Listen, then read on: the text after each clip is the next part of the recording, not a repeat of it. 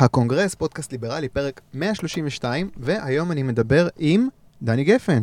מה שלומך, דני? שלומי מצוין, מה שלומך? אני טוב רוצה להיות להדליק פה? את האור, כי אני לא רואה כלום. כן, אנחנו יושבים אה, באוטו של אה, אה, דני, הקלטה הרבה יותר טובה ככה. דני, למי שלא מכיר, דני גפן, ראש המטה של שר המשפטים, אמיר אוחנה.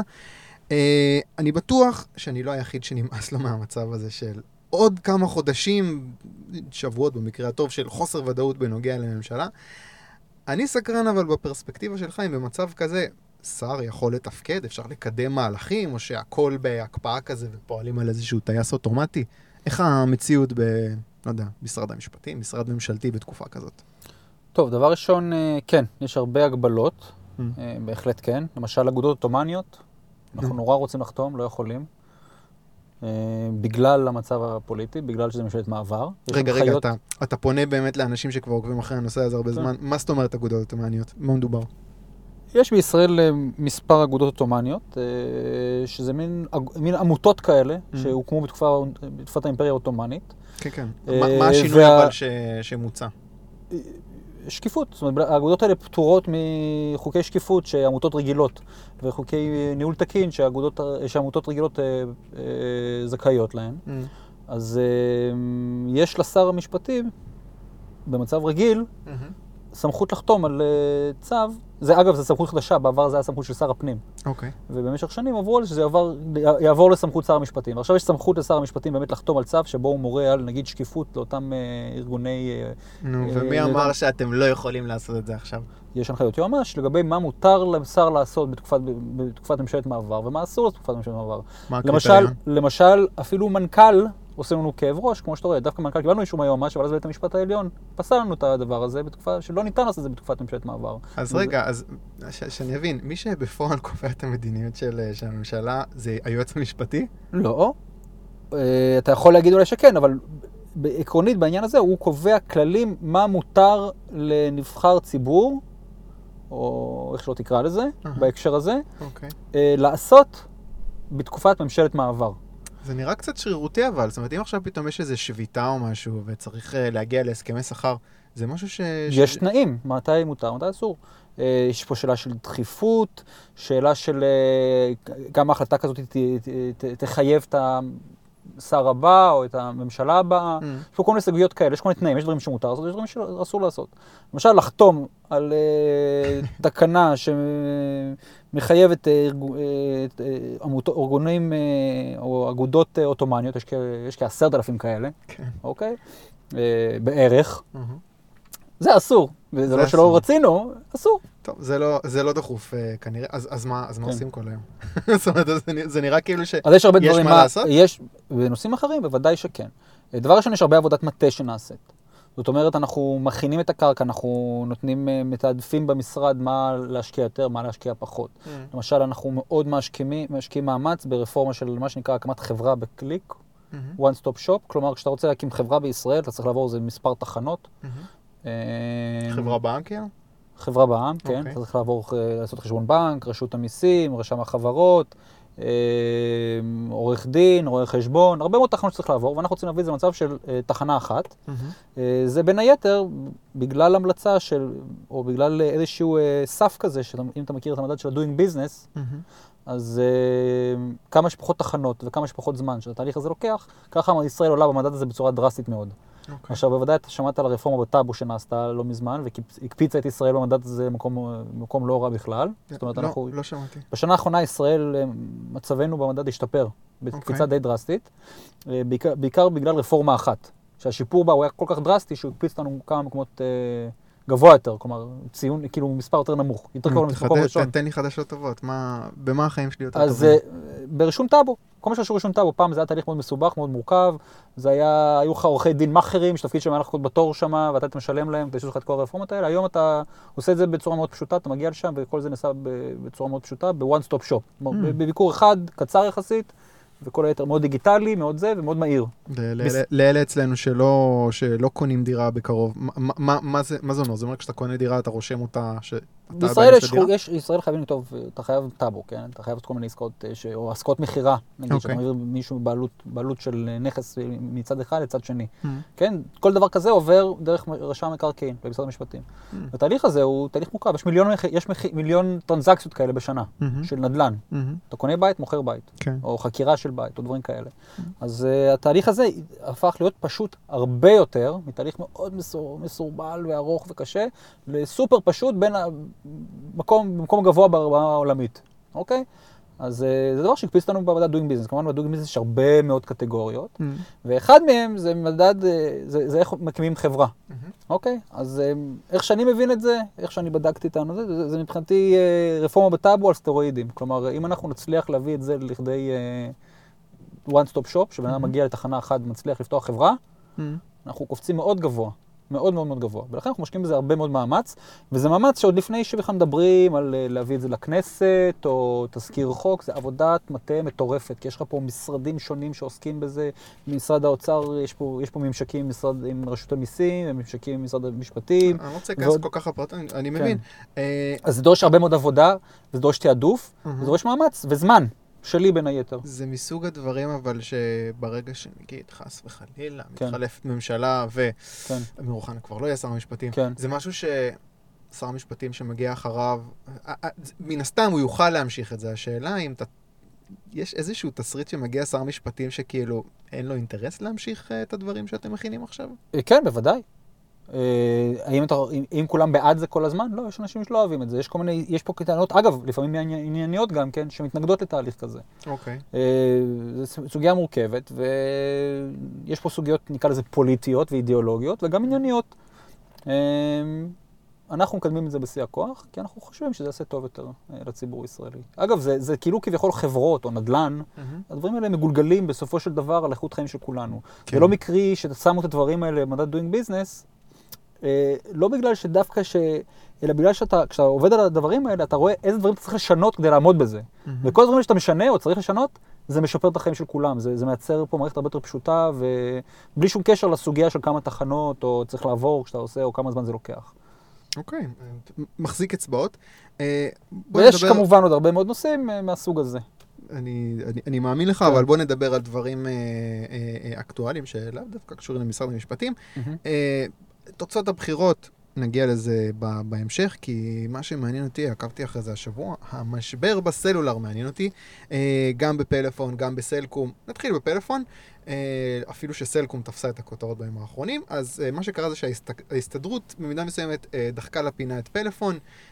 מי שחשב שהוועדי עובדים שמאוגדים בחברות פרטיות במשק, שההסתדרות אה, תנהג אה, בזהירות ולא יסכן את הפעילות העסקית של החברה, אז הגיעה המציאות וחברת פלאפון שהרווח שלה נשחק בשנים האחרונות מבקשת להתייעל, לפטר עובדים, אה, ובתגובה ועד העובדים מכריז על שביתת פתע. זה היה בשבוע שעבר בפלאפון. עד עכשיו גל התאגדויות בשוק הפרטי בחברות הייטק גם, עדיין לא ראינו תוצאות של זה. זאת אומרת, לא ראינו איזה אה, השלכות אה, אה, חיוביות, שליליות של זה, אבל השביתה הזו היא אולי סנונית. מה, מה אתה אומר? אנחנו נראה חברות שנקלעות להפסדים בצורה ברורה בעקבות התאגדויות כאלה, בעקבות צעדים כאלה שוועדי עובדים נוקטים בצורה אה, פתאומית, או שאתה יודע, ועדים אה, טוענים, ובמידה מסוימת בצדק, אה, שאם חברה מסוימת מפסידה ויש בה, אם חברה מסוימת אפילו פושטת רגל ויש בה ועד עובדים, הרבה פעמים החברה הזאת הייתה פושטת רגל בכל מקרה. מה, מה אתה אומר? איך אתה מסתכל על הסוגיה הזאת? אני הייתי, אני הייתי הולך אפילו טיפה יותר רחוק. Mm. אני חושב שניתן לומר שלפחות המצב כיום, לפחות כיום, זה שאם העובדים מתאגדים במקום מסוים, אה, לא רק שזה לא... זה לא, לא רק שזה משהו שעלול לגרום לח- לחברה, לחברה לקרוס, אלא בדרך כלל זה קורה כתוצאה ממשבר שבו החברה נמצאת. זאת אומרת, אה, מתי אנחנו רואים את זה קורה? בחברות ההייטק, איפה ראינו את זה קורה? במקומות שבהם חברות הגיעו, חברות uh, התחילו לעשות בפיטורים המוניים, שהיה פתאום אינטרס המוני של הרבה מאוד עובדים, Mm. התחילו לפגוע ב- בתנאים של הרבה מאוד עובדים, ואז באמת התחילו ההתאגדויות האלה. כלומר, אה, כשאתה רואה, כשאתה רואה בחברה, אה, חברת הייטק במיוחד, שזו חברות צומחות ודינמיות, שבהן אנשים מפוטרים ועוברים וחוזרים ומקודמים, וזה גם עובדים שהם מאוד גמישים, כן? מהמם. כשאתה רואה שוק שהוא מאוד שמח, כן? שוק כזה, כשאתה רואה התאגדות, אתה אומר שכנראה בחברה, זה אינדיקציה לי כמשקיע, נגיד ככה, שמשהו לא תקין בחברה הזאת, לא, מבחינת, ה- לא בגלל שהארגון העובדים הפיל אותה, אלא כנראה היא לא רווחית כבר, כנראה כבר מתחילים, כנראה העובדים מרגישים את הלחץ כקבוצה, כקולקטיב, אה, על העתיד שלהם בחברה הזאת. זה כמו שאתה חולה ואתה פתאום מתחיל אה, לגלות את אלוהים ולהתפלל. משהו כזה. תחשוב, תחשוב שבאיזה חברות אתה רואה, אתה ראית את זה בחברות אה, כמו סלקום ופלאפון, ששם יש התאגדויות, שזה לא חברות הייטק לגמרי, כן. וזה דבר שקרו בעשר שנים האחרונות, משהו כזה התאגדויות בחברות האלה. מתי? כשהחברות האלה התחילו טיפה אה, להגיע לשלב כזה של אה, צמיחה נמוכה יותר, כן? שהן לא חברות צמחות נורא מהר, כי כמות האוכלוסייה גדלה וכולם פחות או יותר יש טלפון וחצי, אז זה כבר לא צריך. אין, יש פה, הם הגיעו לאיזשהו מיצוי כזה, ועכשיו זה הזמן שלה, והחברות כאלה, עכשיו הזמן שלהם זה אולי להתייעל באמת, אולי מה שנשאר להם זה להתייעל באמת, כדי להרוויח טיפה יותר. תוסיף לזה כמובן את הרפורמה של אה, הסלולר, שבאמת פגעה להם ברווחים, הרפורמה בסלולר היא לא... נגיע- אנחנו נגיע הר- לסלולר, אני רוצה להישאר... אבל חשוב, חשוב לציין רק שהרפורמה בסלולר, שיש לי הרבה מאוד ביקורת עליה, אה, היא גם לא, לא הסתיימה, זאת אומרת, לא, לא כל השלבים שלה מומשו עד הסוף.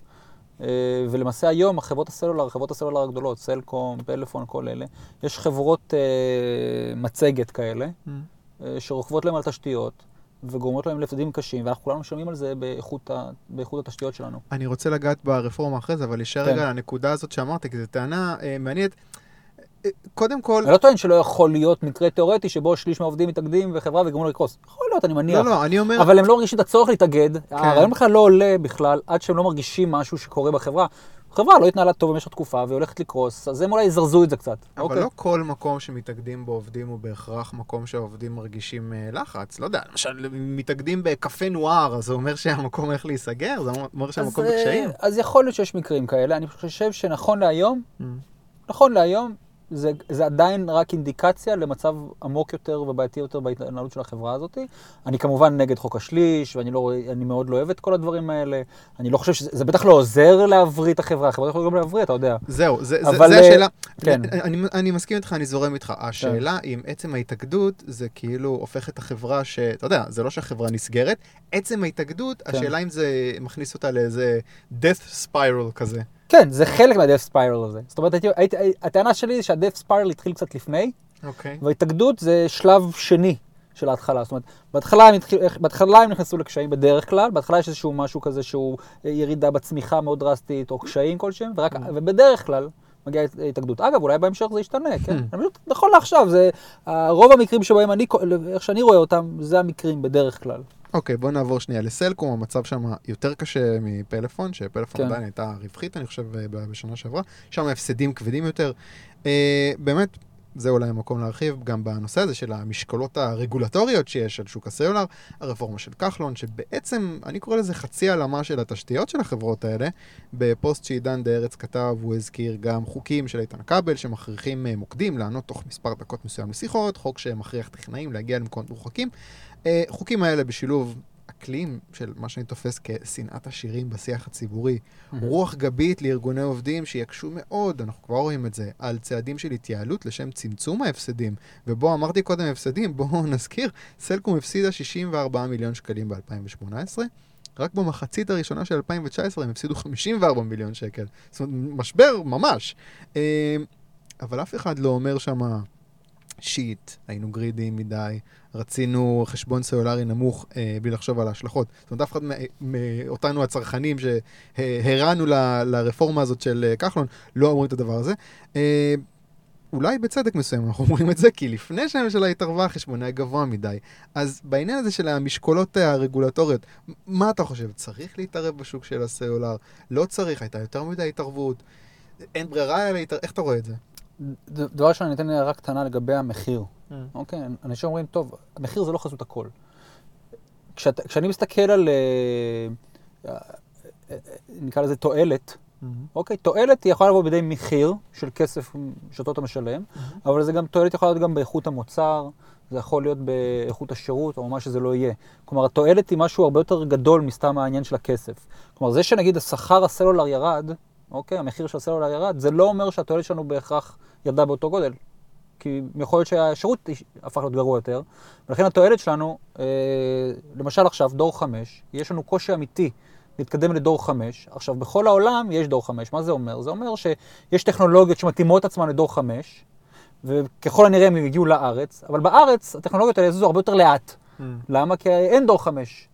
עכשיו, זה דבר אמיתי, וזה מאוד משפיע על איכות המוצר שאנחנו uh, מקבלים, ובלי שאנחנו רוצים. גם, בטח גם לא תהיה באיזשהו שלב האפשרות לקבל טכנולוגיה ברמה נמוכה יותר, כי פשוט כולם יתאימו את עצמם לדור 5, למרות שלהרבה מאוד אנשים לא יהיה דור 5 בגלל המחסור בתשתיות. אוקיי. Okay. עכשיו, זה פגיעה משמעותית בתועלת, זה לא, זה לא, אתה לא תראה את זה במחיר, המחיר יכול להיות שישאר נמוך, כן. אבל תראה את זה בתועלת. אתה יכול לראות את זה ב, גם ב, באיכות ה... אני יודע, כולם מדברים עכשיו על ה... איך קוראים לזה? על ה... מוצר החלב הזה, תוצר לוואי של החלב. אה, תוצר לוואי של חלב? חמאה, כן, יש מחסור בחמאה, נכון? אז יש את המוצר חמאה, אז החמאה בישראל היא... סליחה, זה מצחיק שהתייחסת כן. לחמאה, כאילו לא מצאת את המילה כי קראת תוצר לוואי. כן, כי זה תוצר לוואי של החלב, זה יש איזה. לא- אוקיי. אוקיי, אז אה, זה תוצר לוואי. כן, זה אוקיי, סבבה. אז בתהליך הייצור לפחות. כן. אבל, אה, אז בחמאה יש ברמה מאוד נמוכה בישראל. אוקיי, למה? כי החליטו לעשות מחיר מפוקח, ואתה יודע, עזוב אם הוא מוצדק או מוצדק. אז לא צריך להתערב בסלולר? אני חושב שהייתה התערבות בסלולר, שהייתה התערבות אה, לא טובה, אוקיי? אני לא אומר שאי אפשר להתערב, כי לפעמים השוק... זה נושא טריקי השוק, לליברלים, כי, לא, כי השוק... יש פה את העניין של התדרים שהוא מוגבל, אז לא, קצת קשה לא, להתווכח על זה. אני לא פחות חושב שזה סוגיה של תדרים, אני. כן אוקיי. חושב אה, אני קצין רדיו, מציע סוחר. אתה לא ציינת את זה, אבל אני גם ימאי לשעבר, ויש לי הכשרה בתחום הרדיו. תדרים זה לא סוגיה אמיתית. אוקיי, באמת? לא, לא ממש.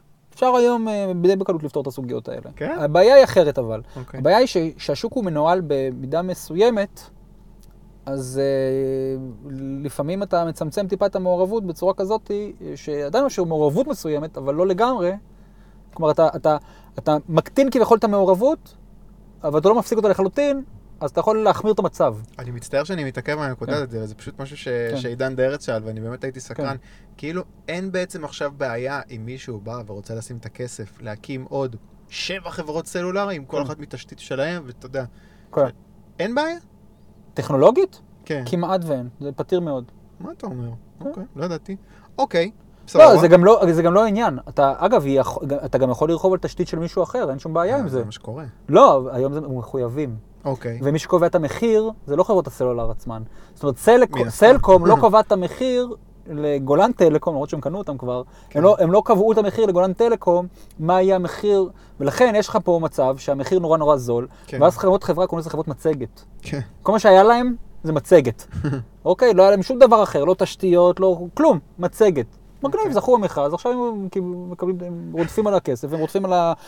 ומקבלים תשתית במחיר נמוך מה... מהמחיר האמיתי של זה. בוודאי. אז סלקום מפסידה את כל הכסף, כמובן, וגם את הלקוחות, וזה בהחלט מכניס אותם למצב כלכלי קשה. בדיוק פה אני רוצה להיכנס לעניין הזה, כי יש פה איזושהי התפתחות אה, אה, מעניינת במבט ראשון, ומדאיגה במבט שני, וזה יו"ר ההסתדרות, שאנחנו ניכנס לכל הנושא של ה... צעדים שהוא עושה, אבל אחד הדברים שהוא רוצה לעשות, הוא קורא לביטול רגולציה שמשרד התקשורת עשה. אה, אני מניח שהוא מדבר על הרכיבה הזאת של המפעילים הווירטואליים על אה, גב הרשתות, אה, של גב התשתית של סלקום, אורנג', פלאפון. רכיבה שמן הסתם גורמת להם להפסדים.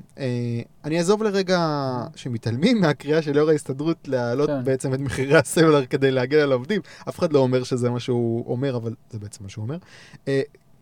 האמת, אני מזדהה במידה מסוימת עם מה שהוא אומר, אה, כי אני גם לא כל כך אוהב את החצי העלמה הזאת של התשתיות, אבל כן יש פה איזושהי מגמה שאני רוצה להתייחס אליה, מגמה מדאיגה, ממש סנונית ראשונה שלה.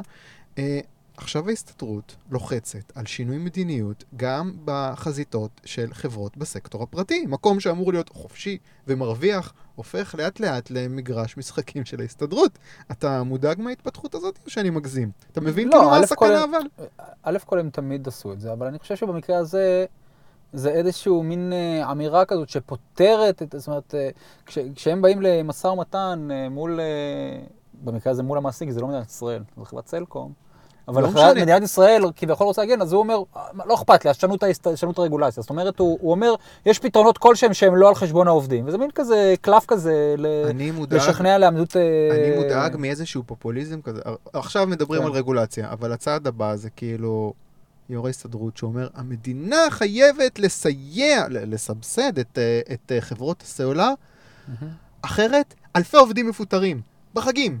ואתה יודע, זה פופוליזם שקל מאוד למכור. אבל זה מאז ומעולם זה ככה. כן. ברור, כל מקום. זאת אומרת, אה, יש נגיד בחברת סין, בחברה שבה אני עבדתי, יש מניית זהב, ומדינת ישראל אה, מסבסדת את סין על מה שתשיג ימים ישראלים. אז אתה חושב שאם עכשיו אה, אה, צים אה, יחליטו אולי אה, לקצץ בעובדים הישראלים שלהם או משהו כזה, למרות שזה לא לא עומד על הפרק, כן? לא שידוע לי לפחות, כן? להפך יש להם מחסור שמעתי. אז, אה, אז אה, שלא ישבתו ולא ידרשו מהמדינה לעזור לצים, או איגוד קציני הים, מה שנקרא, שהם עובדים של- לא רק של צים, של כל חברות הספנות. אז כן, בהחלט. בסדר. לא, העניין הוא אוקיי. שה- העניין הוא שה... אין שינוי איפה שיש כסף אתה אומר זה ציבורי, תמיד קורה, אבל אין איפה שינוי. שיש כסף ציבורי, אז בוודאי ש... וכסף ציבורי שמופנה לעובדים, ואם העובדים האלה מאוגדים בהסתדרות, אז בוודאי שההסתדרות תמיד דרשה... אה, אבל יש עכשיו דריסת רגל של ההסתדרות בסקטור הפרטי. זה משהו שהוא היא גם- מתפתח. אז מעולם היה אה, דריסת רגל של ההסתדרות בסקטור הפרטי. נכון, והייתה פשיטת רגל ב- כמעט בשנות ה-80, ואז הייתה נסיגה מסוימת, עד הכמה שנים האחרונות, שההסתדרות כאילו שוב, אתה יודע, got, got its act together כן. ומתחילה אני עוד לא פעם יודע, אתה להגן. שואל אם ההסתדרות התחזקה בשנים האחרונות או לא? אני שואל האם ההסתדרות מצליחה לאט לאט, צעד צעד, להחזיר אותנו בעצם לשנות ה-80, למצב לנו משק הסתדרותי אפילו שהוא פרטי. אני לא חושב שאנחנו שמה. אה, אני חושב שיש כל מיני בעיות מאוד קשות, אה, שגם ההסתדרות מעורבת בהן, אה, ושקשורים בעיקר ספציפית לשוק העבודה, פחות אה, למדיניות מקרו-כלכלית, אבל שוק העבודה בסופו של דבר, היא כן משפיעה גם על מדיניות מקרו, כי מדיניות מקרו בדרך כלל, במיוחד אם זה משהו בשוק הציבורי, כן, כל רפורמה שאתה עושה היום בישראל, אז היא בסופו של דבר מובילה לאיזה שהם עובדים ממורמרים. ופה ההסתדרות מגיעה, ובדרך כלל היא מקשה מאוד על דברים כאלה. אה, במובן הזה הם כן משפיעים. אבל אני- אני לא חש שהם, אה, כלומר, רק איפה שזה באינטרס המיידי שלהם, פחות... אה, אולי אתה צודק, אתה יודע, אני זוכר בזמנו הם עשו בקמפיין של השכר מינימום. כן, אה, הם חברתיים, כן? או בטיחות אה, בעבודה. כן. הם באמת לקחו את זה על עצמם, אני מאמין שבצורה כנה, זה לא בהכרח היה כל כך חשוב להם. אבל אולי הם חברתיים והם מאמינים בזה, אני לא... תן להם את הקרדיט. אבל אני- אני פשוט אומר שאני לא מרגיש שהם עדיין אה, מקדמים יוזמות, נקרא לזה ככה. אני רוצה עוד, אה, עוד קצת אה, לקחת את הכיוון כן. הפסימי הזה, זה גורם לי לערער המשבר לא, אני לא הזה. פסימי, אני פשוט אומר, אני פחות לא. אופטי- אני פחות אני- פסימי ממך. אני פסימי, כן. בדיוק. כן. אני, אני גורר אותך לצד כן. הפסימי ורוצה כן. לשאול אותך, אה, מתישהו מצפה Mhm. לנו אולי סיבוב אה, נוסף של האטה כלכלית, שתתחיל בכל העולם ומן הסתם אה, תגיע בישראל. כן. מתישהו זה יגיע, זה כאילו קורה כל כמה שנים, אין מה לעשות. כן. אה, המשק הישראלי, לדעתך, איך המוכנות שלו למיתון, הפעולות שהממשלה, שהאוצר עשו בשנים האחרונות, בשילוב האקלים הזה שתיארתי עכשיו, האקלים כן. ההסתדרותי, אה, צפוי לנו, צפוי לנו התמודדות טובה עם משבר כלכלי, או שאנחנו מגיעים זה- לא בוא- מוכנים? בוא נראה... דבר ראשון, יש שאלה מה אנחנו עושים בזמן המיתון. אה, זו השאלה המרכזית. האם אנחנו, אני לא יודע להגיד לך באיזה מצב יתפוס לנו המיתון הזה, אם אנחנו, אם המיתון שלנו, אתה שואל אותי בעצם אם המיתון שלנו יהיה קשה או קל יותר, כן? אני? אשאל- אני אשאל אותך אחרת, האם כן. לממשלה יהיה הון פוליטי, במרכאות, לבצע את הצעדים הנדרשים במיתון? אין לי מושג, זה בוא, א' כל בוא נראה איזו ממשלה תהיה. אה, דבר שני, נראה מתי יבוא המיתון, אולי, אולי עכשיו תהיה ממשלה אחת וכשיבוא המיתון יהיה ממשלה אחרת. אה, אנחנו צריכים לראות על מה מדובר. עד שאני לא יודע על מה מדובר, אני, זאת אומרת, אני לא יכול לנבא את העתיד.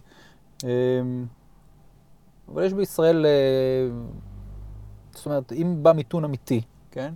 ונאלצים לעשות פעולות קשות, אז אה, בתקופת מיתון, בדרך כלל יותר קל לעשות פעולות קשות אה, מאשר בתקופה שהיא לא תקופת מיתון. לכן כשיש תקופת uh, צמיחה, אז uh, נורא קשה לעשות רפורמות של התייעלות. אגב, גם בשוק הפרטי. אם אתה מסתכל על השוק הפרטי הישראלי, הוא התייעל הכי הרבה בזמן uh, המשבר uh, של 2003-2004. אז הם עשו התייעלויות, קיצצו, עשו מה שהדקו חגורות. היו הרבה, אתה יודע, חברות ההייטק שלנו היו פחות uh, נדבניות ופחות uh, מסיבות uh, כאלה אקסטרווגנזיות שהן תמיד עושות שם. כן, כן? ראש השנה, כל המקרים. כן, אז אה, בוודאי שזה ראש השנה, כן, כמובן. אז, אה, אז. בוודאי שבתקופת מיתון יהיה הרבה יותר קל, יהיה הרבה יותר מוטיבציה, כי יהיה הבנה בדחיפות של הדברים. אז אה, כמה תהיה מוכנה? נראה. אני רוצה לשאול אותך שאלה על השיח, השיח הליברלי, אתה יודע, שמתפתח קצת בכמה שנים האחרונות. יש כן. לזה איזושהי השפעה על, אה, אתה יודע, אה, יכולת של אה, ממשלה לעשות אה, צעדים כאלה? זאת אומרת, אה, יש איזושהי אה, יכולת של אה, פוליטיקאים להישען על השיח הזה, אם הם רוצים לעשות צעדים שהם לא פופולריים? או שזה כאילו ממש אקו צ'יימבר, כמה מאות אנשים, אין לזה השפעה, זה לא, לא, מעניין אף לא, אחד. א' כל זה לא מאות אנשים, זה הרבה יותר. לא, אתה יודע, אה, ממש פעילים. זה, זה, זה הרבה, הרבה יותר, אין לך מושג כמה אני נתקל מזה מכל מיני כיוונים לא צפויים בכלל. אוקיי? גם בעבודה שלי עכשיו, אני נפגש עם אנשים שהם לא קשורים בכלל אה, לפיד, כן, אוקיי. הליברלי, Mm. שבא אליי בן אדם, אני לא רוצה, לא שמות, כי אתה יודע, כי... כן. אבל אני, אני, אני רואה אנשים עם עמדות, והם, אני לא קורא להם ליברטריאנים או משהו, הם קפיטליסטים בריא, קפיטליזם בריא, מה שנקרא, כן? Mm. זה לא שהם אה, נגד חוק חינוך חינם ויגידו לך מה זה שוד, אני לא יודע, כל ה... אבל הם קפיטליסטים בריאים, הם, אה, אתה יודע, הם כמו ביבי, אוקיי? אוקיי. יש לך הרבה כאלה בארץ. אה, הם אולי לא כולם מאורגנים ביחד, הם אולי לא... הם מודעים מדברים, אבל הם לכל. השיח ה... או שהם חלקם כן? חלקם לא. תשמע, זה כבר לא סוד. Mm. מה שנקרא ליברלים זה כבר לא סוד בישראל. כן. אה, כשאני הייתי ליברל, אה, אגב, לא קראתי לעצמי ליברל, קראתי לעצמי קפיטליסט, כן? כן. כשאני הייתי קפיטליסט אה, בליכוד, הייתי פעיל ליכוד, Mm. לפני 2011, אה, אנשים מסתכלים עליי במבט עקום כזה, מה מה הוא רוצה, מה זה השטויות האלה? מה? איך אתה רוצה לעזור לאנשים המסכנים? מה? כי אנשים מניחים רוע. Mm. כשאתה, שומע- כשאתה מסביר להם, אני אומר להם, אני לא רע, אני פשוט מבין את העולם אחרת, אני מבין שמה שאתה עושה זה לא טוב, זה לא יועיל, ומה שאני עושה זה כן, זאת אומרת, זה לא, אין לי רוע, אני לא יודע, למרות שלפעמים אנחנו נתפסים. אז אנשים הסתכלו עליי ככה. היום, א' כל אני לא לבד, יש הרבה מאוד אנשים כמוני, Mm. אז, אה, אז אה, זאת אומרת, כבר מכירים אותי, יודעים מה אני חושב, אה, אני, להפך, אה, בקרב הליברלים אני עוד דתיסט נחשב, כן? כן, כן. אז אני אומר, היום המצב הוא שונה לחלוטין. השיח הליברלי הוא נורא חזק, ופוליטיקאים מודעים אליו, והם נזהרים ממנו, והם מתחשבים בו, מאוד. וכל הפוליטיקאים מתחשבים בו. כן? ברור. מה זה? מה- מה- מה- מה יקרה? תראה, אני מסתכל אני מסתכל על המציאות, אני רואה משה כחלון עשה הרבה צעדים לא פופולריים, והנה הוא חזר לליכוד, הכל בסדר. איזה צעדים- מחיר הוא שילם? לא, א' כל, אם אתה חושב שליברלים זה האנשים היחידים שחיים בישראל, אז אתה טועה. אה, אתה גם לא נותן את. הקרדיט למשה כחלון, שיש לו תפיסת עולם משלו. ושהוא מקדם את תפיסת העולם שלו, והוא מוכן לשלם את המחיר. גם- לחיים כץ יש תפיסת עולם משלו. נכון, ואז לאנשים יש תפיסת עולם, והם מקדמים אותה, והם מאמינים בה. כן. גם אם אנחנו לא מסכימים איתם, צריך לתת להם את הקרדיט, אני אוקיי. נותן קרדיט, אני שהוא שואל מאמין מה בזה. הקונטרה- מה גם כן אם הוא יודע עליה? שהוא ישלם על זה מחיר פוליטי. אני- איזה מחיר הוא שילם? אה, ב- ב- הוא- הוא- בוודאי שיש אנשים שאוהבים את מה שהוא עושה, יש דברים שזה לא משנה כל כך כרגע. אני אהיה בוטה, אני- איזה מחיר אתה תשלם אם תשתין הליברלים ש- זה- בקשת? לא, לא, זה- לא יודע. אני פשוט אומר לך שאני יכול גם להשתין על ההסתדרות אולי בקשת, ולא בטוח שאני אשלם את המחיר, יש לנו ראש ממשלה שהשתין על ההסתדרות בקשת.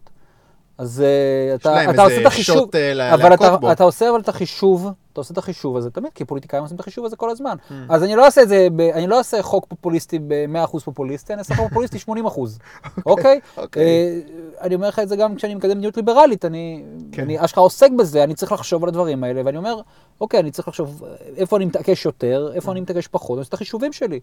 אוקיי? אז למה? כי אני מבין שיש דברים שאני לא יכול להשיג, ויש דברים שאני כן יכול להשיג. לא מזלזל בזה, אגב, גם 20 אחוז אם אתה חושב, פופוליזם. אז זה לכן. אני אומר, השיח הליברלי יש השפעה רבה. אתה יודע מה, ואני אגיד לך יותר מזה. Mm. וזה לא קשור לשיח הליברלי. Mm-hmm. ואני שומע הרבה טענות כלפי אה, הראש הממשלה הלא כלכלי שלנו, Mm-hmm. אוקיי? שהוא לא, הוא כבר לא מר כלכלה ולא זה. א' כל, הוא ראש ממשלה מתעסק בעניינים אחרים, כן? שהם לא בהכרח כלכלה, אבל אני כן. להגיד לך, שאני נמצא במשרד המשפטים עכשיו, אוקיי? אה, אני אני בתוך, אני אני יודע מה קורה בפנים. ואני- יש תרבות ארגונית. ישנה תרבות ארגונית. זה כאילו כמו זומבים, הם כל היום ממלמלים, הם אה, doing business, doing business, doing business, doing business. זה, זה מה שממלמלים כל הזמן שמה. אוקיי. וזה נטו נתניהו. אוקיי, נתניהו, הוא קידם את זה, שם בכל המשרדי הממשלה את היחידה הזאת של ה... אה, היחידה האסטרטגית שהמטרה שלה היא לקצץ רגולציה, להוריד את הפריון. ברור, אנחנו מדברים על זומבים טובים, כן? כן, בסדר, אבל הם כאילו, זה כאילו, אתה רואה, יש ישיבה כזה, וכולם אומרים, כן, צריך ככה, וחוץ מזה, ב-doing business, זה מין כזה, זה, זה כאילו הפך להיות איזה מנטרה כזאת, שזה זה כאילו מצחיק כבר, אתה אפשר לצחק על זה, אבל זה בקטע חיובי גם זה טוב. אוקיי, אני לא... זה המצפן. זה מצפן, לגמרי. זה לא, לפעמים זה. לא מצפן, לפעמים זה חיזוק לטענה שמשהו אחר מעניין אותך, אבל אתה אומר, וזה גם טוב בזוג ביזנס, אבל אתה רואה את זה כל הזמן, וזה נוכח מאוד, מאוד מאוד נוכח. אה, וזה נתניהו. זה התחיל במשרד ראש הממשלה, זה פרויקטים שנעשו במשרד החקלאות ובמשרד המשפטים בעבר, כן, הרפורמה בטאבו למשל. אוקיי? הרפורמה בטאבו זה חלק מזה, כן? זה הכל נעשה כתוצאה מאותן יחידות אה, אסטרטגיות שהם קידמו את הדברים האלה. משרד החקלאות. גם במשרד החקלאות יש את זה, בוודאי. אוקיי. אה, גיא מור, אם אתה מכיר, הוא בדיוק, זה מה שהוא עושה במשרד החקלאות. הוא ביחידה כזאת. אתה מכיר את גיא מור? אני מכיר, כן. יש לו אפילו פודקאסט כן, על כן. רגולציה. כן, כן, רגולציה. אני אמליץ על זה, למרות שלא התכוונתי להמליץ על זה, אני אמליץ גם על זה. כבר המלצתי עליו. אה, אוקיי, כן, בסדר. אז אני אומר שיש פה הרבה עבודה, וזה כן נתניהו, וזה משפיע על דבר שהוא מאוד מאוד חשוב. אה, כולם נורא מודאגים מהגירעון, והמשבר הקרוב, וזה דאגות מוצדקות, אבל אלה דאגות של הטווח הקצר והבינוני. הבעיות, יש, יש שתי בעיות עיקריות נגיד בישראל, אוקיי? בעיה אחת מרכזית זה בעיית הפריון, אוקיי? פריון זה הבעיה העמוקה ביותר, ויש כל מיני גורמים שמביאים לכך שיש בישראל פריון עבודה נמוך. כלומר, אה, תוצר חלקי מספר העובדים, או תוצר חלקי, אה, הוא נמוך. אנחנו כן. מייצרים מעט העובדים שלנו. וסיבה מאוד משמעותית לזה, אוקיי, זה רגולציה. אוקיי? כי אם אתה משקיע הרבה מאוד מאמץ בפשוט לעמוד בתנאים הרגולטוריים, אה, בשביל להגיע לאיזשהו תוצר כלשהו, אז זה פוגע לך בפריון. אוקיי? ונתניהו קבע יעד של 25 אחוז, צמצום רגולציה. אה, זה יעד אה, שאפתנית דרך אגב, זה לא קל להגיע לדבר כזה. מהמם. לפני מספר שנים הוא עשה את זה. ואתה, והוא מוציא, וכל שנה יוצא פרסום של עמידה ביעדים. אתה יכול לראות בזה 100% הצלחה, בזה 0% הצלחה. עושים שיימינג למי שלא עמד ביעדים, זה אמיתי. ואתה רואה את כל הראשי המחלקות, אוי, לא, אני לא עמדתי ביעדים וזה. זה דבר שמאוד משפיע. אני, אני כן. מאמין, אבל אנחנו קצת אה, גולשים אה, לדברים אחרים. נכון. סבבה, I'll take your word, כן. שנתניהו עושה משהו בשביל... לא, אה, אבל הוא מתעסק, ב- כמובן, מתעסק בעיקר. באיראן. בסדר, בסדר לא. לוקח את זה, יש לו דברים- דברים יותר חשובים על הראש שלו, מיידיים דברים- לפחות. דברים כן. יותר חשובים, בוא, הגענו לבחירות, בוא תן לי את הניתוח שלך לתוצאות של הבחירות, ולמה שיקרה בזמן הקרוב, תן לי את ה... איך שאתה רואה את זה, תהיה ממשלה, מי ירכיב אותה, אם אפשר לצפות ליותר אה, קידום של יוזמות ליברליות, פחות, מה, מה יקרה? אוקיי, אז דבר ראשון אני יכול לספר לך שיש לי מידת הבנה כזאת של הפוליטיקה, כזאת כדי- קטנה או כזאת פשוט גדולה? כזאת גבוהה, אוקיי. שאני יכול להגיד לך שאני לא יודע. זאת אומרת, אה, מי ש- מי שאומר לך שהוא יודע, אז הוא משקר אותך. אוקיי, או שהוא לא, הוא לא באמת יודע, הוא חושב שהוא יודע. זה פשוט לא, זאת אומרת, הנוס, הסיטואציה היא כל כך מורכבת. ומה שאתה רואה עכשיו זה שאנשים מטפסים על עצים מאוד מאוד גבוהים, כל הצדדים. אה, כי זה גם משא ומתן, וצריך לעלות על עצים גבוהים. ובנוסף לכך, גם אנשים מייצרים אופציות, כמה שיותר אופציות. כי כמה שיש לך יותר אופציות, ככה יותר קל לך לבוא במשא ומתן. אה, ולכן אתה תראה כל מיני שיתופי פעולה הכי מוזרים בעולם, כשכל תכליתן, אופציות. אוקיי?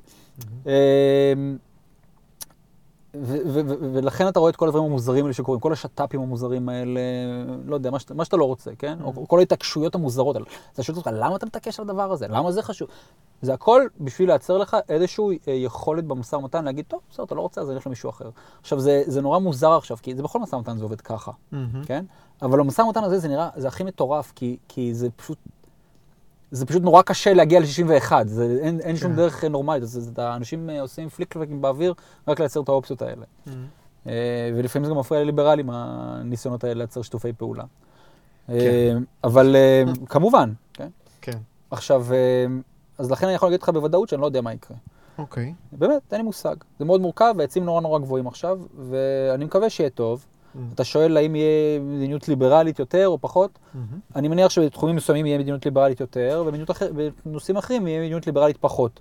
למשל, לאביגדור ליברמן יש מועמד לשר הבריאות, אוקיי? ואביגדור ליברמן אה, הוא מאוד משמעותי ב- בבחירות האלה עכשיו, בדיונים הקואליציוניים. אה, והאיש הזה היה יושב ראש ארגון העובדים של הרופאים, אני אומר את זה בצורה פש- פשוטה, כן, זה מה שהוא כן, עשה. כן. הוא הניסנקורן. אם אתה, אנשים מדברים, מה, ניסנקורן שר האוצר? אז שמים פה עכשיו את, את הניסנקורן של הרפואה בתור שר הבריאות. אוקיי? זה הסיפור. אנשים צריכים להבין את זה. האיש הזה הוא, יש לו בוודאי זכויות, אני קראתי איפשהו, מישהו הגיב לי בפייסבוק שהוא נלחם נגד הזנה בכפייה. אני גם נגד הזנה בכפייה, אחלה. אז שיצטרף לאגודה לזכויות, ה- לאגודה לזכות האדם, או זכויות האדם, אני לא יודע מה. אבל בתור שר בריאות, בתור הבן אדם שעשה שביתת רעב כדי לסייע לרופאים הוותיקים על חשבון הרופאים הצעירים, כן? הוא, הוא מהאלה, הוא מהגרועים ביותר. זה, זה עוד פעם, הטעות הזאת כמו שר החקלאות, שר, זה, זה, זה, שר זה לא. שר הבריאות זה לא כן. שר הרופאים. הוא היה, אבל- לא, אבל איכשהו זה שהוא... אבל זה הוא שהוא- היה, הוא- אבל זה האינטר- הוא- ככה הוא מבין, ככה הוא מבין את תפיסת לא, העולם אומר, שלו. זה נראה לאנשים הגיוני, שבגלל כן. שהוא היה בסדר... זה לא נתפס כמשהו לא כן, טוב. והם גם חושבים, והם גם חושבים, אה, אם הוא רופא אז הוא יהיה שר בריאות טוב? לא, זה לא אומר שהוא יהיה שר בריאות טוב. א' כל כי הנושא, הוא מרדים, הוא רופא מרדים, כן? עם כל הכבוד, הוא לא ניהל אפילו בית חולים, אוקיי?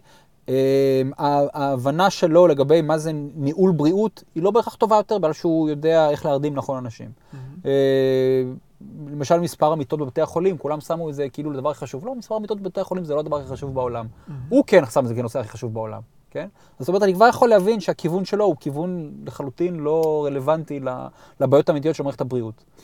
אה, בסדר, אבל אתה יודע שאם אם זה הדבר, זה הדבר שהוא התעקש עליו במשא ומתן קואליציוני, אז זה לא יודע מה הוא הבריאות. התעקש, הוא התעקש על תיקים. כן, אוקיי, תיקים זה דבר מאוד חשוב במשא ומתן קואליציוני, כן, והוא כבר אמר שהוא מתעקש, שזה נושא שחשוב לו. כן. אידלמן, ליאוניד אידלמן, שיהיה שר הבריאות. אה, אני מניח שבדברים אחרים יהיה דברים יותר טובים, אבל אני לא יודע, אני לא יודע איזה קואליציה תהיה, ולכן אני לא יודע. כן, בכל לא- מקרה, לכאן ולכאן, אפילו לאריה דרעי יש זכויות, אוקיי? בסוגיה הליברלית. כן? אוקיי? בוודאי. הוא, היה שר הפנים, ובכל מיני סוגיות שקשורות לשר הפנים, משרד הפנים שקרו. תן לי אחת, כן, אה, אני לא... אתה יודע מה, אני לא זוכר עכשיו. אבל אתה יודע מה, אני פשוט ראיתי את זה לא מזמן. אוקיי. נתקלתי באחת כזאת לא מזמן, אמרתי, אה, יפה, דרעי היה גורם חיובי. אוקיי, שכחתי מה זה היה. אם תזכר, אבל- תגיד לי. כן. בוא, אני רוצה לעצבן אותך אה, אה, עוד קצת. לעצבן אותי? למה לעצ- לעצבן אותי? חכה, חכה. כן. בשבוע הבא, אני מקווה, אני אדבר עם אה, שגיא ברמק. כן. אה, והוא מלא בחור טוב. ביקורת שאני מזדהה איתה במידה מסוימת. כן. אה, לגבי ציפיות מפוליטיקאים להגשים איזשהו חזון אה, ליברלי. כן. שמה לעשות, הוא אומר, החריש הרעיוני הזה שהוא מדבר עליו עוד לא נערך ב, באמת בשיח הציבורי, עוד אין בשלות, מהמם. ואתה רואה את זה בליכוד, שהליברלים בליכוד, לא חשבתי על זה ככה, הרי עצם זה שקיימת קבוצה בשם ליברלים בליכוד, יש בזה מן האבסורד. הרי אין את המסורתיים בש"ס, או הסוציאליסטים בחד"ש. רק בליכוד, האידיאולוגיה שאמורה להיות של כל התנועה, מיוצגת על ידי קבוצה נישתית. ואתה רואה תופעות כמו חיים כץ, כמו החזרה של משה כחלון לליכוד שדיברתי עליה, בלי שלמישהו מחוץ לפורומים הליברליים זה נראה מוזר. אתה חושב שאולי אין בשלות לפעילות משמעותית, אה, פעילות פוליטית משמעותית תחת הדגל הליברלי, השמרני, איך שתקרא לזה? אתה מבין כאילו את הבעיה שאני מדבר עליה? ש- שמה, שאתה אתה טוען שהמפלג- שהליכוד היא לא מפלגה ליברלית? כן. אוקיי. הליכוד היא, אני לא יכול להתווכח עם זה. לא כל מי שבליכוד הוא ליברל, יש הרבה אנשים שהם רחוקים מליברליזם בליכוד אפילו. כאילו, אתה יודע מה, אני אתן לך קרדיט אבל, כן. ביבי הוא אבנורמליה במידה מסוימת. זאת אומרת, הוא, הוא לא ראש הממשלה בגלל הטיקט של ה, ה, ה, ליברלי. הליברליות שהוא מק- מקדם. אתה מבין? באותה מידה יכול לבוא מישהו אחריו על אותו כן. טיקט אה, ביטחוני, והכל ילך כאילו אה, לעזאזל, ולאף אחד לא יהיה נורא נורא אכפת. לא, אתה, אתה כמובן צודק שבוודאי שהליכוד היא לא מפלגה שהיא רק מפלגה ליברלית, Mhm. היא מפלגה עם כל מיני נושאים, והיא מפלגת אה, גג, אוקיי? לכל מיני מפלגות מהעבר דרך אגב. אחת מהן היא המפלגה הליברלית, אוקיי. אבל אחת מהן זה חירות, ויש כל מיני מפלגות, חירות זה לא מפלגה ליברלית הייתה. אוקיי? כן. זו הייתה מפלגה עם, אה, נכון. היה לה איזשהו גוון, אה, נקרא לזה מעמד הביניימי כזה, אולי באמת, אבל לא ליברלית. אוקיי. אוקיי? אוקיי. אז, אה, אז בהחלט, יש גם, יש, יש ארגון עובדים של ההסתדרות ה- ההסתדרות כן, הלאומית, כן, נכון. מה, זה, זה גוף היסטורי, כן. אוקיי? אז להגיד שליכוד הוא רק מפלגה ליברלית, זה לא נכון עובדתית. נו, אז אתה מסכים אז עם זה, יש- יש עוד הרבה עבודה לעשות. בשביל להפוך את הליכוד למפלגה ליברלית? כן. לדעתי אתה לעולם לא תהפוך את הליכוד למפלגה רק ליברלית, או לפחות לא בטווח אה, הנראה לעין. אתה כן יכול לחזק את הרכיב הליברלי או את הכוחות הליברליים בליכוד. אגב, גם המפלגה הרפובליקנית לעניין הזה היא לא מפלגה ליברלית, אוקיי? יש מה, גם, אה, יש מה כוחות ליברליים או ליברטריאנס, או כוחות שמרניים, שזה לא בדיוק אותו דבר כמו ליברטריאנס, ויש שם גם אה, פופוליסטים גם, אוקיי? כן. יש הכל. זה ככל שאתה מגיע למפלגת שלטון, אוקיי? אז היא מפלגה שיש בה, היא מפלגת גג ליותר זרמים וליותר אה, קבוצות, אוקיי? כי מה לעשות, כל אחד מאיתנו הוא מיוחד ושונה, וכל אחד מאיתנו יש תפיסת עולם מדויקת. ואגב, גם, גם ליברלים, יש לך כל מיני סוגים של ליברלים, אוקיי? ואם תשים את, אה, איך קוראים לו, טל סלסה, כן, במפלגה ליברלית, הוא יגיד לך שאני לא יודע מה, שהם לא ליברלים, כן? הם לא מפלגה ליברלית. אה, אז אתה- בסדר, אבל אתה- קצת מתחמק מהטענה. אני לא מתחמק, אני, חושב שעניתי בתשובה ברורה למדי. מפלגה... כן, אתה אומר, אבל הליכוד זה מפלגת גג, תמיד יהיה זה, עזבו אתכם לא? לא- מהחריש הרעיוני. לא, אני לא, אני ממש לא אומר את זה. אוקיי. אני אומר שבהחלט צריך להשפיע ולמשוך את הליכוד לכיוונים הנכונים, Mm. לכיוונים שהם אה, ליברליים או קפיטליסטיים, או איך שלא תקרא לזה. אני אשאל ככה, אני עכשיו כן. בן אדם שרוצה להשקיע את האנרגיות שלו במשהו, האם אני מתפקד, עזוב אה, מתפקד, להתפקד כן. אפשר אה, בכל כן, מקרה, האם אני כן. משקיע את האנרגיות שלי בלעזור לליברלים בליכוד, או לעזור בחריש הרעיוני הזה על הציבור הרחב? ואל תגיד גם וגם. אני לא יודע מה לעשות אם ככה. ברור שגם וגם. אתה יודע מה, תעשה מה שנוח לך יותר, מה שבעלות תועלת שלך נראה לך יותר הגיוני. אה, הכל בסדר. אה, בוודאי, זה, אתה יכול לבחור בכיוון הזה ולבחור גם בכיוון הזה, זה הכל לגיטימי, הכל בסדר. אה, אין כיוון חושב- שנראה לך שיש בו יותר תוחלת. אני חושב, אני חושב שהכל חשוב, באמת אני חושב שהכל חשוב. אני לא אומר מה הבחירה האישית שלך צריכה להיות. אני, אני חושב שיש, מק- זה מאוד חשוב מה ששגיא עושה דרך אגב, אוקיי? אה, שזה להיות כל יום עם הספרים ולהגיד מה כתוב בכל מיני ספרים, כל מיני דברים. אוקיי. חשוב מאוד, כן. באמת אני חושב שזה חשוב מאוד. אוקיי. אה, זה חשוב אה, ל- ל- ללמד במכינות, אני מלמד במכינות כלכלה. אוקיי. אז גם זה חשוב אגב, מאוד. ש- חשבתי. שדיברת בסרקסטיות, ולא דיברת בסרקסטיות. לא, אני באמת רציני. לחלוטין. רציני. לחלוטין. אבל, אה, וזה גם בסדר, וגם חשוב מאוד גם להתפקד ולהשפיע פוליטית. כל הכיוונים האלה נורא נורא חשובים, כי אתה צריך גם בסיס אה, רוחני, רעיוני, אתה צריך אה, חינוכי, ואתה צריך גם פוליטי. אתה צריך את כל הדברים האלה, אתה לא יכול, אתה, אף אחד מהם לבד לא יעבוד. אוקיי, אני אומר את זה בפשטות. כולם ביחד צריך. אה, מה אתה באופן ספציפי צריך לעשות? מה שאתה מרגיש לך שיותר מתאים לך. אני עושה הכל. אני רוצה לגעת בעוד אה, שאלה קטנה על אה, ביבי, ואז להמשיך כן. אה, אה, הלאה. הוא הזכיר, אה, שגיא ברמק, הייתה לי שיחה איתו לפני השידור בחירות הזה של התל"ח. אה, הוא דיבר על ביבי, והוא אמר, אה, ביבי, בסופו של דבר, כאילו, יש לו שיקולים פוליטיים, והוא יקריב הרבה מאוד מטרות ליברליות בשביל להמשיך לשמור על כוח, שאגב, אולי גם מבחינת פרספקטיבה ליברלית יש באיזשהו היגיון. אז שאלתי אותו, אוקיי, בסדר, מה הבייבי שלו? מה הנושא האחד הזה שעליו הוא מוכן לשלם את כל המחירים ולהתאבד עליו? ואז הוא אמר, הנושא הזה של, של איראן. כמה העניין הזה שהוא ראש ממשלה, ולא באמת אה, שר אוצר, ושהוא צריך להתעסק בנושאים האלה, כמה זה גוזל ממנו את היכולת בכלל להתעסק בנושאים ליברליים? זה גוזל מאוד. ישראל, הוא, הוא ראש הממשלה בישראל, ראש, ראש ממשלה באופן היסטורי, זה לא נתניהו באופן מיוחד, כן? Mm. ראשי הממשלה בישראל מתעסקים בנושאי חוץ וביטחון ברוב הזמן שלהם. ישראל היא מדינה במצב מאוד מיוחד, מאוד Mhm. מורכב, שיש עליה איומים ביטחוניים יומיומיים, שעל אה, רובם אנחנו אפילו לא שומעים, אוקיי? אנחנו לא יודעים עליהם, זה הכל סודי. וזה מעסיק מאוד את הזמן, ואתה יודע, זה נשמע מוזר אולי, אבל יש רק 24 שעות ביממה, ואורח חיים של בן אדם זה גיל 70. זאת אומרת, זמן זה משאב מוגבל אפילו לראש הממשלה. כן. כלומר, אה, ויש דברים שהוא משקיע בהם יותר, ויש דברים שהוא משקיע בהם פחות, כמובן. טוב, אה, אני רוצה לעבור נושא, אני רוצה לדבר אבל על... עוד פעם, אני מציין Mhm. את העניין הזה של ה- את העניין הזה של הרגולציה, של שהוא business. מקדם את זה, ואגב, אני הייתי בישיבות ממשלה עם ראש הממשלה, אוקיי? אוקיי. ראיתי איך זה נראה בישיבת ממשלה. והאיש מבין כלכלה, מד... זה מדהים. אתה רואה אותו יושב, נושאים כלכליים מדברים, כן? Mhm. ואתה רואה כל אחד מביא את העמדות שלו, וראש הממשלה מגיע, מראה בקיאות רבה. ממש, בקיאות מדהימה. הוא מתחיל לדבר איתך על הריבית ואיך זה משפיע על האבטלה, אוקיי? שלא, גם הרבה מהליברלים לא מבינים את המודל הזה של ה... אה, אה, את המודל הזה של האינפלציה, האבטלה וכל הדברים האלה. לא משנה. לא צריכים להבין, רואה, השוק אבל השוק לא, אבל אתה. רואה אותו מנהל דיון רציני, כן? מול אה, אנשים מכל מיני משרדים שמספרים לו סיפורים, והוא אומר לו, אני לא קונה את הסיפור הזה, Mm. והוא מראה להם את ההבנה שלו בכלכלה, ואני יושב, אני נפעם על ההבנה שלו, וכן, זה משפיע, הוא משנה, כי בישיבת הממשלה זו ישיבה חשובה. אז אפילו, אז הוא כן מתעסק בענייני, כשיש דיון כלכלי, אתה רואה אותו משפיע, את ההשפעה שלו. סבבה, בואו נדבר uh, על uh, uh, הבוס, על אמיר אוחנה. הוא נשא נאום באירוע 50 שנה לבתי בתי הדין לעבודה. נאום מפויס יחסית, כי זה אירוע ממלכתי נגיד, אבל הייתה שם גם איזושהי עקיצה קטנה כזאת בנאום, הוא פונה לשופטים ומזכיר להם שאין פה מצב כאילו העובדים הם בני האור והמעסיקים הם בני החושך, ושיקחו בחשבון שלפסיקות שלהם יש השפעה על כלל המשק והכלכלה בישראל.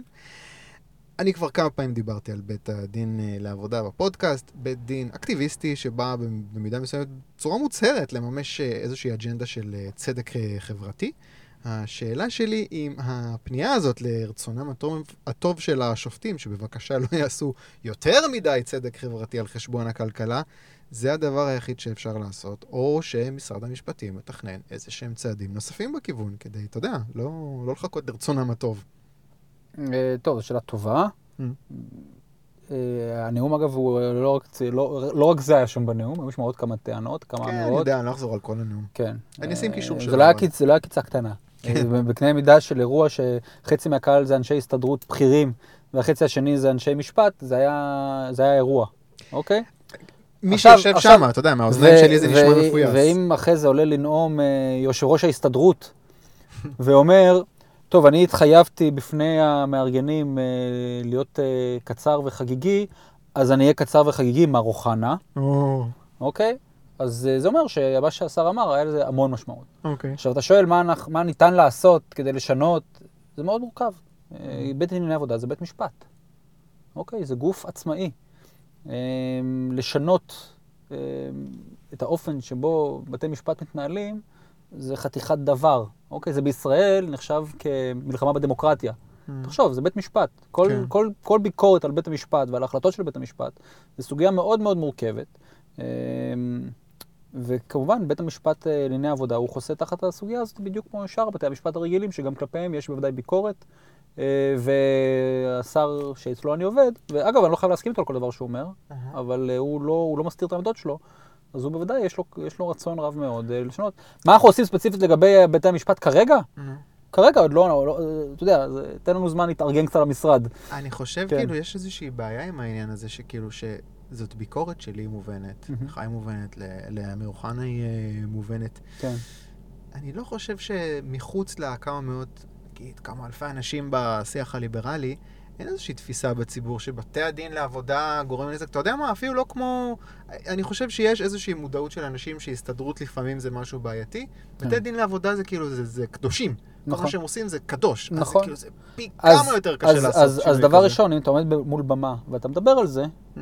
זה צעד ראשון ב, ב, בלדבר על זה. אוקיי, לא קיבלתם את זה. פידבקים כאלה של או אמיר אוחנה מתקיף את הדמוקרטיה? בחזית הזאתי? קיבלתם ריקושטים? גם, כן, בוודאי. וואלה. כאילו עיתונאים או רק... כן, אה, כן, משהו- אדוני, בטוויטר, תסתכל בטוויטר. וואלה. כן. אה, לא לא, זה. השר אוחנה, דמוקרטיה, אה. הרגיל. אוקיי. דמוקרטיה זה... ממשיכים את הקו כן. של... כן. כן. אוקיי, בואו נמשיך להיות קצת פסימיים.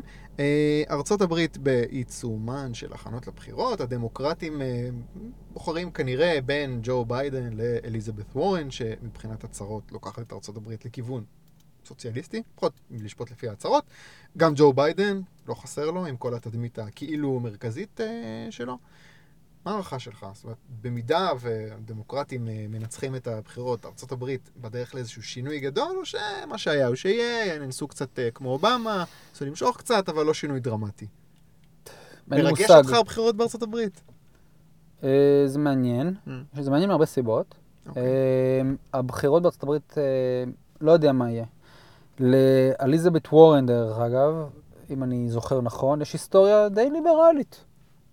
כן. יש לה מאמרים מוקדמים, לפני שהייתה פוליטיקאית, אה, שבהם היא דיברה על העניין בנושאים רבים שנתפסים בעיניך וגם בעיניי כחיוביים. אבל היא כובלת עצמה עכשיו לעגלת נכון. אה, ברני כי- סנדרס כי- הזאת. כי מה שקורה במערכת הבחירות בארצות הברית, אה, אגב, גם בישראל מבחינה רבה, כשאתה מסתכל על הבחירות בפריימריז, Mhm. אוקיי? זה שבבחירות, ל... בפריימריז, או כרגע בבחירות למי שמייצג את המפלגה הדמוקרטית אה, בבחירות הכלליות, אז יש נטייה להקצין עמדות כדי לפנות לבייס, כן. וכשאתה פונה לקהל הרחב בבחירות הכלליות, אז אתה בדרך כלל נוטה, אתה פונה למרכז, אוקיי? כדי לגנוב קולות מהצד השני. עכשיו, תשמע, אחרי שבא טראמפ ושינה את כללי המשחק לחלוטין, טראמפ לא פנה למרכז. אה, הוא פנה לכיוון, לקהלים חדשים אמנם, אבל בצורה שהיא לא בדיוק פנייה למרכז. אבל אה, אני לא יודע איך זה יהיה, אין לי מושג. זהו, כי יש פה איזושהי... אני אני- חשבתי- אני חשבתי על זה. ואנחנו מדברים של- פה כרגע על הדיבור, כן? זאת אומרת, להערכתי, אליזבת וורן או ביידן הם לא, אה, למרות שלדעתי ההימור שלי זה שאליזבת וורן תהיה המועמדת. כן. אה, אבל אה, ברגע שזה יגיע לבחירות הכלליות, הם יתמרכזו, לדעתי, בעיקר כדי לפנות לקהל אה, שמרני יותר. וכשזה יגיע, כי הקהל הליברלי בגרסה האמריקאית של המילה, כן, יצביע להם מקרה, זה לא שהליברלים יצביעו לטראמפ. Mm. כן.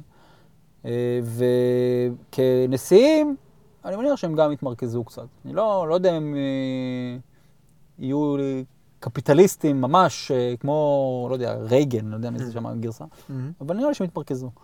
זו, דעתי לפחות. אגב, לטראמפ יש, אה, אתה יודע, יש לו, הוא גם לא בכל הוא אה, ליברלי בעמדות הכלכליות שלו. יש דברים שהוא... אה, כן, כן, כן. כל מלחמת המכ... המכסים שלו עם סין. מכסים כן, כן. למשל, כן. אה, בוא נדבר על התחממות גלובלית ועל... אה, לא נדבר, אבל אני רוצה כן. לתת את הרקע, אנחנו מעלים את הנושא הזה בגלל אה, ילדה שוודית בשם גרטה טונברג. אה, היא שמה את הנושא הזה של ההתחממות הגלובלית בראש סדר היום בהרבה אה, כן. מהדורות חדשות, וגם ברשתות חברתיות, לא הפסיקו לדבר על זה. אה, בדרך כלל מסיבות לא ענייניות, בכנות היא לא מעניינת אותי כל כך, כמו הנושא והדילמה שהוא מציב אה, בפני אה, ליברלים. בהנחה ואכן אורח החיים שלנו אחראי על התחממות כדור הארץ, יש מה לעשות לדעתך, זה תפקיד של הממשלה לפתור את הבעיה. איך פותרים את הבעיה הזאת בלי לפגוע פגיעה אנושה בזכויות שלנו, ברכוש שלנו? הרי הקיום שלנו הוא כמעט כולו עומס על כדור הארץ במידה מסוימת, אם מקבלים את הטענות הסטנדרטיות על הגורם להתחממות. איך אתה תופס את הנושא הזה של ההתחממות גלובלית? אה, זו שאלה טובה. אני לא אה, ליברטוריאן, אוקיי? אני מכיר בקיומם של השפעות חיצוניות, Mm. אני מכיר בקיומם של אינפורמציה לא סימטרית, וכשאני מכיר בקיומן, ואני תועלתן, נקרא לזה ככה, אז אני אומר שיש מקום לשקול אה, התערבות, כן? לשקול, זה לא אומר להחליט על התערבות בהכרח. אבל זה צריך וואחד התערבות. כן, שנייה, אני אסיים את הנקודה. כן. אוקיי, אז אתה צריך לבדוק, ואתה אומר, אוקיי, אפשר לשקול, אין לי בעיה. ואחרי שאתה שוקל, אז אתה אומר כן או לא, ובאיזה מידה גם. כי מאוד יכול להיות שלפעמים התרופה היא תהרוג אותך הרבה יותר מהמחלה עצמה, כן. כן? אז, אה, אז, אה, אז פה יש, אז, אז, אבל יש משהו, יש פה איזשהו ויכוח, אה, הוא קצת פחות בולט עכשיו, אבל יש- פה ויכוח שהוא, נראה לי שזה איזשהו מין אה, כסות לוויכוח אחר, הוויכוח הזה של ההתחממות הגלובלית. אוקיי? ה- הוויכוח על ההתחממות הגלובלית הוא באמת בא על הרקע הזה של ההשפעות חיצוניות, אוקיי? יש לך צד אידיאולוגי, פוליטי, אה, שמאלי, נקרא לזה ככה, שמאוד אוהב התערבות ממשלתית ושונא את התעשייה ואוהב, ואוהב, ואוהב אה, תכנון מרכזי, אז הוא מאוד נוח לו שיהיה ממש חם פה, שיהיה התחממות מטורפת. ולכן הוא מנפח את המספר הזה, והוא מדבר, כן, תראו איזה איום ונורא זה, וחייבים להתערב. ויש לך צד שהוא שונא בכל מחיר התערבות ממשלתית, לא משנה מה, והוא מבחינתו, מה פתאום, איזה התחממות גלובלית, ואם היא ישנה, היא קטנטנה, ואי אפשר לסמוך על כלום. אני, אנחנו אבל- מניחים אבל שהבעיה קיימת, כי אני לא אוקיי. יכול לפתור את העניין הזה אם הבעיה באמת קיימת. לא, אוקיי, אז, אז אני אומר שיש פה, יש פה איזשהו, יש פה, רק, רק אני רוצה להסביר שלפעמים שווה להסתכל מה הדיון האמיתי פה, אוקיי? ומי, ומי מי עושה את הדיונים האלה? הדיונים פה, לא, אני לא רואה יותר מדי מדענים מתווכחים על זה. אני רואה בעיקר צדדים פוליטיים, אה, מחנאיים לחלוטין, של קפיטליסטים מול סוציאליסטים, זה מה שאני רואה פה, כן, אוקיי? אוקיי. ואתה תוכל לראות את הפרצופים, זה די, יש מתאם די גבוה.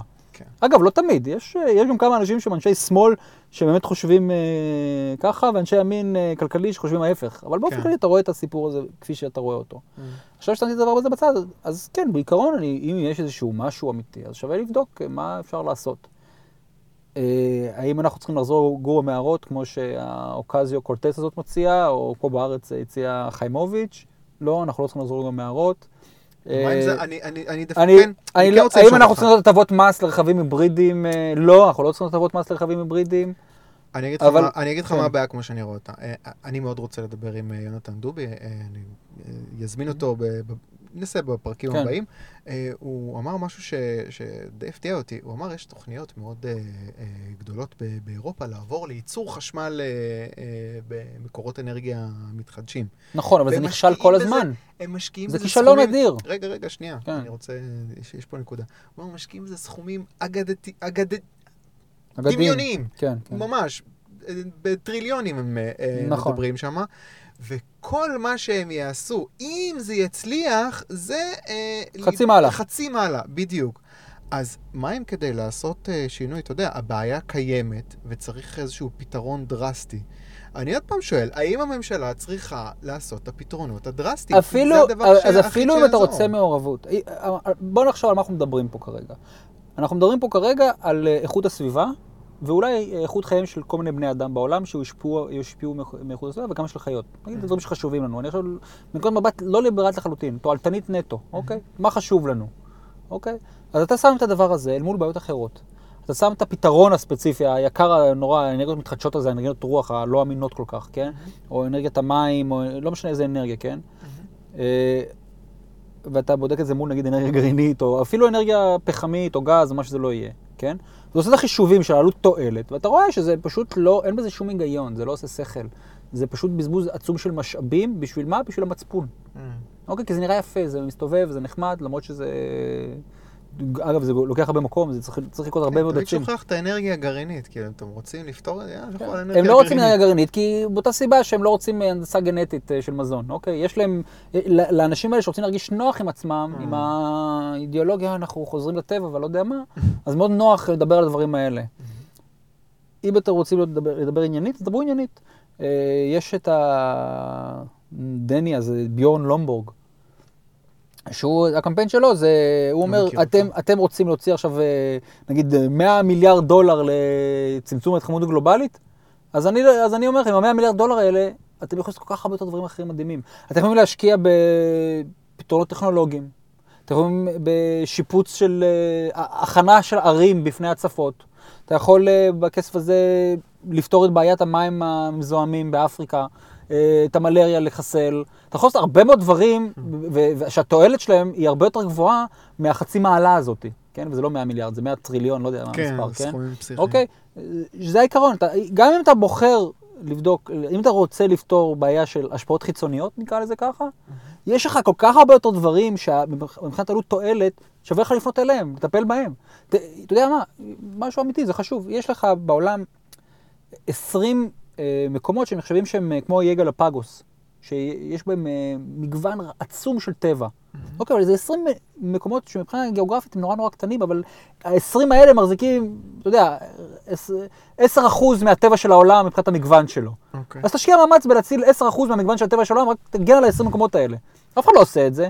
לא, אנחנו עכשיו נעשה חוק בשביל אה, לשמר את, אה, לא יודע, מדבר סהרה. אוקיי, את כל הטבע במדבר סהרה, נשקיע על זה מיליארדים. אוקיי? זה היגיון כזה. וזה זה, זה, זה, זה חשיבה לא רציונלית. גם כן אם אתה ליברלי או לא ליברלי, נגיד שאתה רוצה להתערב, תעשה את זה נכון, תעשה את זה חכם, תעשה את זה בצורה שהיא לא בעצם ויכוח על דיון אחר. האם אתה רוצה מעורבות ממשלתית בחיי הפרט, או שאתה לא רוצה מעורבות ממשלתית בחיי הפרט. זה הוויכוח האמיתי שאתה רואה, ולא הוויכוח של איכות הסביבה שלא מעניינת לאף אחד, אתה באמת, אתה יודע. חוץ מהילדה המסכנה הזאת, אה. שאני פשוט חושב, היא... איפה ההורים? איפה ההורים שלה? אני לא יודע, אני לא נכנס לסוגיה הזאת, אני מניח שההורים שלה יש קשר למצב הזה. היא, היא, היא, היא, היא אני, אתה שומע אותה מדברת שם, בנאום הזה שכולם מלגלג- מלגלגים עליו, אני רואה ילדה שהיא אשכרה חרדה למצב, אני מזהה פחד. כן. זה לא, זה לא משהו, זה ממש עצוב. אני אומר, וואי, זה, זה, זה העולם שבו היא חיה. היא חושבת שמיליונים מתים, היא חושבת שהמצב פה איום ונורא, ו, וזה לא נכון עובדתית. מישהו פמפם לה את זה במשך שנים. ועכשיו גם מאדירים אותה. ומרדדים את השיח, כי עכשיו אם ילדה בת 16 מדברת איתנו, אז אנחנו כולנו מדברים ב-level של הילדה בת 16. זה לא ה-level של הסוגיה, הסוגיה של ה-level היא הרבה יותר גבוהה. סוגיה הרבה יותר מורכבת. אני אני רוצה להגיד מה ההימור שלי. אגב, גם, אה, גם, גם, גם מי שמלגלגים ב, ב, ב, באינטרנט, אני מרגיש רע עם זה. זה לא נעים, מה אתם צוחקים עליה? ילדה. אתם יורדים על ילדה קטנה בת 16. לא, בסדר, אבל זה כאילו, אני אומר, אתה יודע, אתה לוקח את הילד שלך לגן חיות, ואתה כן. זורק אותו לכלוב של הנמרים, מי כן. אשם? הנמרים, כמובן שהנמרים אשמים. עצם זה ששמו אותה בסיטואציה הזאת, זאת הבעיה. כן, ולא- אבל אנחנו לא ולא עכשיו נמרים. כל הטרולים ש... לא, אבל תמיד יהיו טרולים, זה אנחנו- ברור. ו- אוקיי, אבל בואו ננסה, ננסה להיות קצת ציוויליזציה. סבבה. אנשים שאני מעריך אה, כן, כן. כתבו עליה דברים, אה, אתה אתה יודע. צודק, צודק לגמרי. אה, אה, חברים, תעזבו את אה, גרטה בבקשה. אל תעשו לייקים ל- לפוסטים ש- שעושים ממנה צחוק, זה לא יפה. אה, קצת אגב. אני, אני אמרתי, אה, אני אומר, התחזית שלי, לכל העניין של התחממות גלובלית, בהנחה וזאת באמת אה, בעיה, תהיה התחממות, ימותו הרבה בני אדם, כדור הארץ יסתדר. זה מלטוס, בעיה תיפתר. מה? מלטוס. מלטוס? מה זה מלטוס? מלטוס אה, הוא, הוא אבי, קוראים לזה הכלכלה האפלה. הוא דיבר ש, ש, שהטבע האדם הוא כזה, שאנחנו, מה שקורה זה שהעולם הוא, אנחנו חיים בעולם של משאבים מוגבלים, כן. וכל מה שקורה כל פעם זה שהאוכלוסייה גדלה, היא מגיעה למצב שבו היא לא יכולה יותר אה, לספק לעצמה את המזון, כי אין מספיק משאבים, אז הם מתים ממחלות ומרעב, ואז עוד פעם חוזר המצב הזה של ה... שיש מספיק אוכל לכולם, כי יש מעט אנשים, כי כולם מתו ממחלות. עכשיו עוד פעם, אומר, מלטוס אבל טעה. זאת אומרת, לא, לא, בפועל זה לא קרה. חכה, האוכלוסייה- חכה. האוכלוסייה ממשיכה לגדול ולגדול ולגדול, למה? כי מלטוס לא, לא, לא התייחס לסוגיה אחת מאוד פשוטה. וזה הטכנולוגיה. והפיתוח. העובדה ותסתכל, שהמשאבים היום, לצורך העניין הם אינסופיים. כן, הם לא אינסופיים, הם סופיים. זה שאתה אה, מגלה כל הזמן חדשים, זה אבל, הופך אותם אבל, אבל לפרקטיקלי אם פעם בפיסת קרקע מסוימת היית יכול לגדל רק כמות מסוימת של אה, תירס, והיום אתה יכול פי 20 מזה, אז זה משהו שהמלטוס לא חזה. אני אומר לך, כן. זאת אומרת, באיזושהי נקודה, אתה יודע, אם באמת כדור הארץ ית- יתחמם, והתנאים יהפכו להיות אה, בלתי אפשריים, אז אה, זה יקרה. אני אומר, זה דווקא פסימיות אופטימית כזאת. כן. זה אומר, עזבו, זה בסוף, הבעיה תפתור את עצמה. אה, טוב, בואו נסגור עם המלצת תרבות, ספר, סרט, אירוע, פודקאסט שאתה רוצה להמליץ עליו. אני אתן המלצה קצת מפגרת, אבל אני עומד מאחוריה ב-100%. הסרט גרמלינס 2 עלה בנטפליקס, תראו את זה, זה מצחיק. אה, יש ערוץ יוטיוב שאני אוהב בשם Half in the Bag, הם עושים ניתוח סרטים, הם עשו שיחה על הסרט הזה, אני אשים אה, קישור לשני הדברים האלה.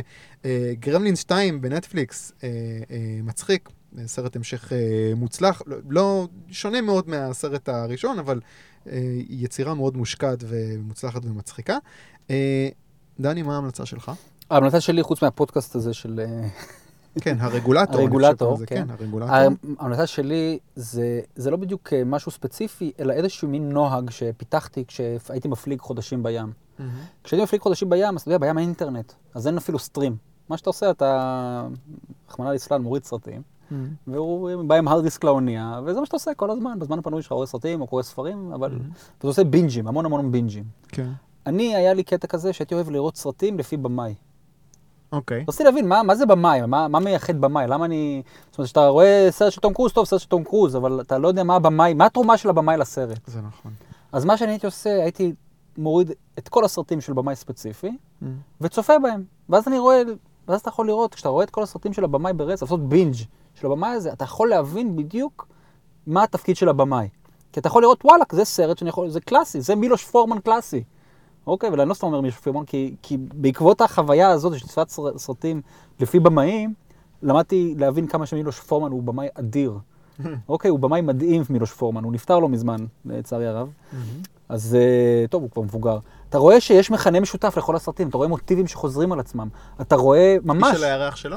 איש של הירח זה שלו, אה, עמדאוס, אה, אה, קוקוזנסט, אה, קן הקוקייה, זה סרטים, עשרות שנים של סרטים, כן? כן. או סטנלי קובריק, אתה רואה מוטיבים שחוזרים. אתה רואה, אתה מזהה, אתה מזהה את הסגנון, את השפה, השפה התרבותית, או השפה של ה... של, של, של, של היופי, שהבמאי תורם לסרט. וזה למד, זה גורם לך ללמוד להעריך הרבה יותר את עבודת הבמאי בקולנוע. אני לא מדבר עכשיו על הסדרות, כן? Mhm. אבל בקולנוע, זה, ולכן אני ממליץ מי שרוצה ללמוד, להבין קולנוע קצת, אז שיצפה בסרטים, אבל לפי במאים. יענו, צפה בכל הסרטים של במאי מסוים, ותבין, אוקיי, זה הכזה של הבמאי הזה, הבנתי. אוקיי, יפה. אז uh, לצפות בסרטים uh, לפי במאי, uh, זרקת את אה, קיובריק, אבל מכירים את קיובריק. ומילוש מיל- פורמן. מילוש פורמן הוא הבמאי האהוב עליי. לא- הוא הוא ככה בדיוק, ב- אתה יודע, בדרג הזה עכשיו, אני כבר, אתה כבר. תמיד אצל פילו- מילוש פורמן יש בית משוגעים, תמיד זה חוזר על עצמו המוטיב הזה. תמיד. יש אצלו מוטיב של, יש לו מוטיבים חוזרים כל הזמן בכל הסרטים שלו. כמעט בכל סרט שלו מישהו מאושפז בבית משוגעים. כן, תבדוק את זה. אוקיי. כי תבדוק, תראה את כל הסרטים שלו. את אמדאוס לא- התחלתי ולא הצלחתי, לא- לא לא סרקתי. כל הדמויות שלו צ'אנס. כאלה סהרוריות, הן מוזרות קצת. יש סרט אחד שאני לא כל כך אוהב אותו. זה סרט שאהבתי אותו בתור נער. אבל אחרי שראיתי את כל הסרטים של מילוש פורמן, את הסרט הזה של מילוש פורמן הפסקתי לאהוב. איזה? שיער. שיער? אמרתי, וואי, מה זה הסרט הממוסחר הזה? אוקיי, פה- נעצור. אה, דני גפן, תודה רבה רבה רבה. יא. היה נחמד מאוד. היה נהדר.